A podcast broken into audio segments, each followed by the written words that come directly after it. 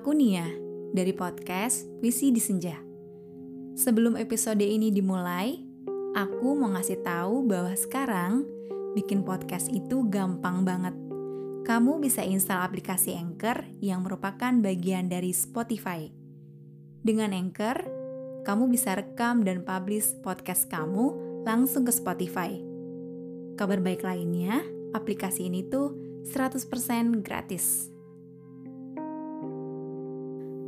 Kamu masih ingat Ramadan kamu tahun lalu nggak?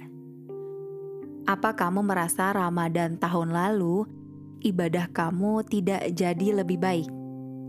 Apa setelah Ramadan usai, kamu merasa sedih dan menyesal ditinggal begitu aja karena kamu juga menyia-nyiakannya? Kalau iya, berarti kita sama. Jujur ya, aku bukan yang bagus ibadahnya, masih suka bolong-bolong masih suka mut-mutan. Masih suka berat banget dalam beribadah. Tapi tahu nggak sebenarnya apa alasannya? Kenapa berat banget kita buat beribadah? Aku pernah dengar kalimat dari video yang muncul di beranda aku, kurang lebihnya gini. Kalau kita berat banget buat beribadah itu, bisa jadi hati kita sedang tidak sehat. Lah kok bisa? Maksudnya gimana ya? Jadi gini, contoh simpelnya di hadapan kita ada makanan kesukaan kita yang enak banget, tapi kita sedang sakit. Badan kita lagi nggak fit. Tetap aja kan makanan itu rasanya pahit di lidah kita. Tetap aja kita nggak bisa menikmati makanan itu kan? Ya kayak beribadah aja.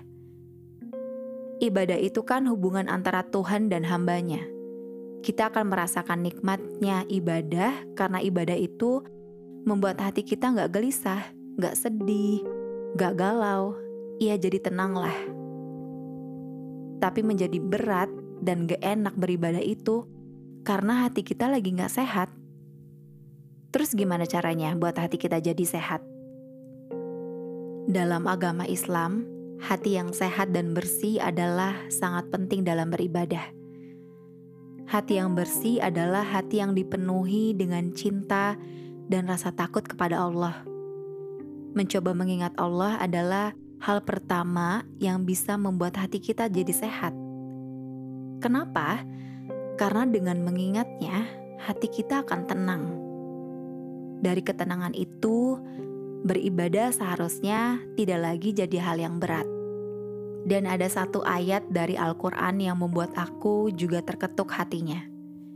Ini kebetulan aku lagi baca buku yang judulnya Dasyatnya Doa dan Zikir. Bunyi terjemahannya kayak gini. Dan janganlah kamu seperti orang-orang yang lupa kepada Allah. Lalu Allah menjadikan mereka lupa kepada diri mereka sendiri. Ini dari Quran Surat Al-Ashr surat ke-59 ayat 19. Ayat ini memberikan pesan penting tentang bahaya lupa atau mengabaikan Allah. Orang yang lupa atau mengabaikan Allah akan kehilangan arah hidupnya dan menjadi orang yang bermasalah. Mereka akan terjebak dalam kesesatan dan kegelapan serta terjauh dari kebenaran.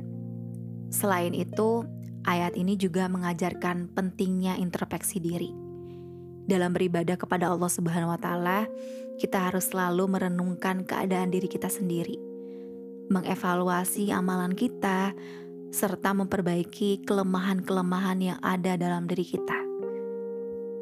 Dengan cara ini, kita dapat terus memperbaiki diri dan mendekatkan diri kepada Allah. Kita harus selalu mengingat bahwa kita hidup bukan hanya untuk kepentingan diri kita sendiri, namun juga untuk meraih kebahagiaan abadi di akhirat bersama Allah. Itulah kenapa pentingnya hati kita sehat dalam beribadah. Jadi sekarang tahu kan kenapa selama ini kita berat banget dalam beribadah? Ayo sama-sama sekarang ambil kesempatan di bulan baik ini untuk sembuhkan hati. Untuk jadikan hati kita sehat dalam beribadah, agar kita bisa nikmati indahnya dalam beribadah. By the way, kalau kalian lihat beberapa hari yang lalu di story Instagramku, aku buat challenge ke diri aku sendiri untuk 30 hari ini membuat agenda Ramadan. Ya kayak biasa, aku buat kolom-kolom yang berisi kegiatan ibadah di bulan Ramadan. Aku pengen banget Ramadan tahun ini adalah Ramadan yang jauh lebih baik dari Ramadan aku tahun lalu. Kalau kalian mau, kalian juga bisa mulai buat agenda untuk mengisi hari kamu di bulan Ramadan jadi lebih terarah dan bermakna. Jadi nanti nggak ada kata menyesal lagi, tiba-tiba secepat itu Ramadan pergi tanpa kita memperlakukannya dengan baik. Jadi tetap semangat di bulan Ramadan, tetap produktif, tetap happy, tetap sehat. Dan untuk teman-teman, aku mohon maaf kalau ada kalimat dari podcastku yang mungkin menyinggung perasaan kalian. Dan selamat menunaikan ibadah puasa ya.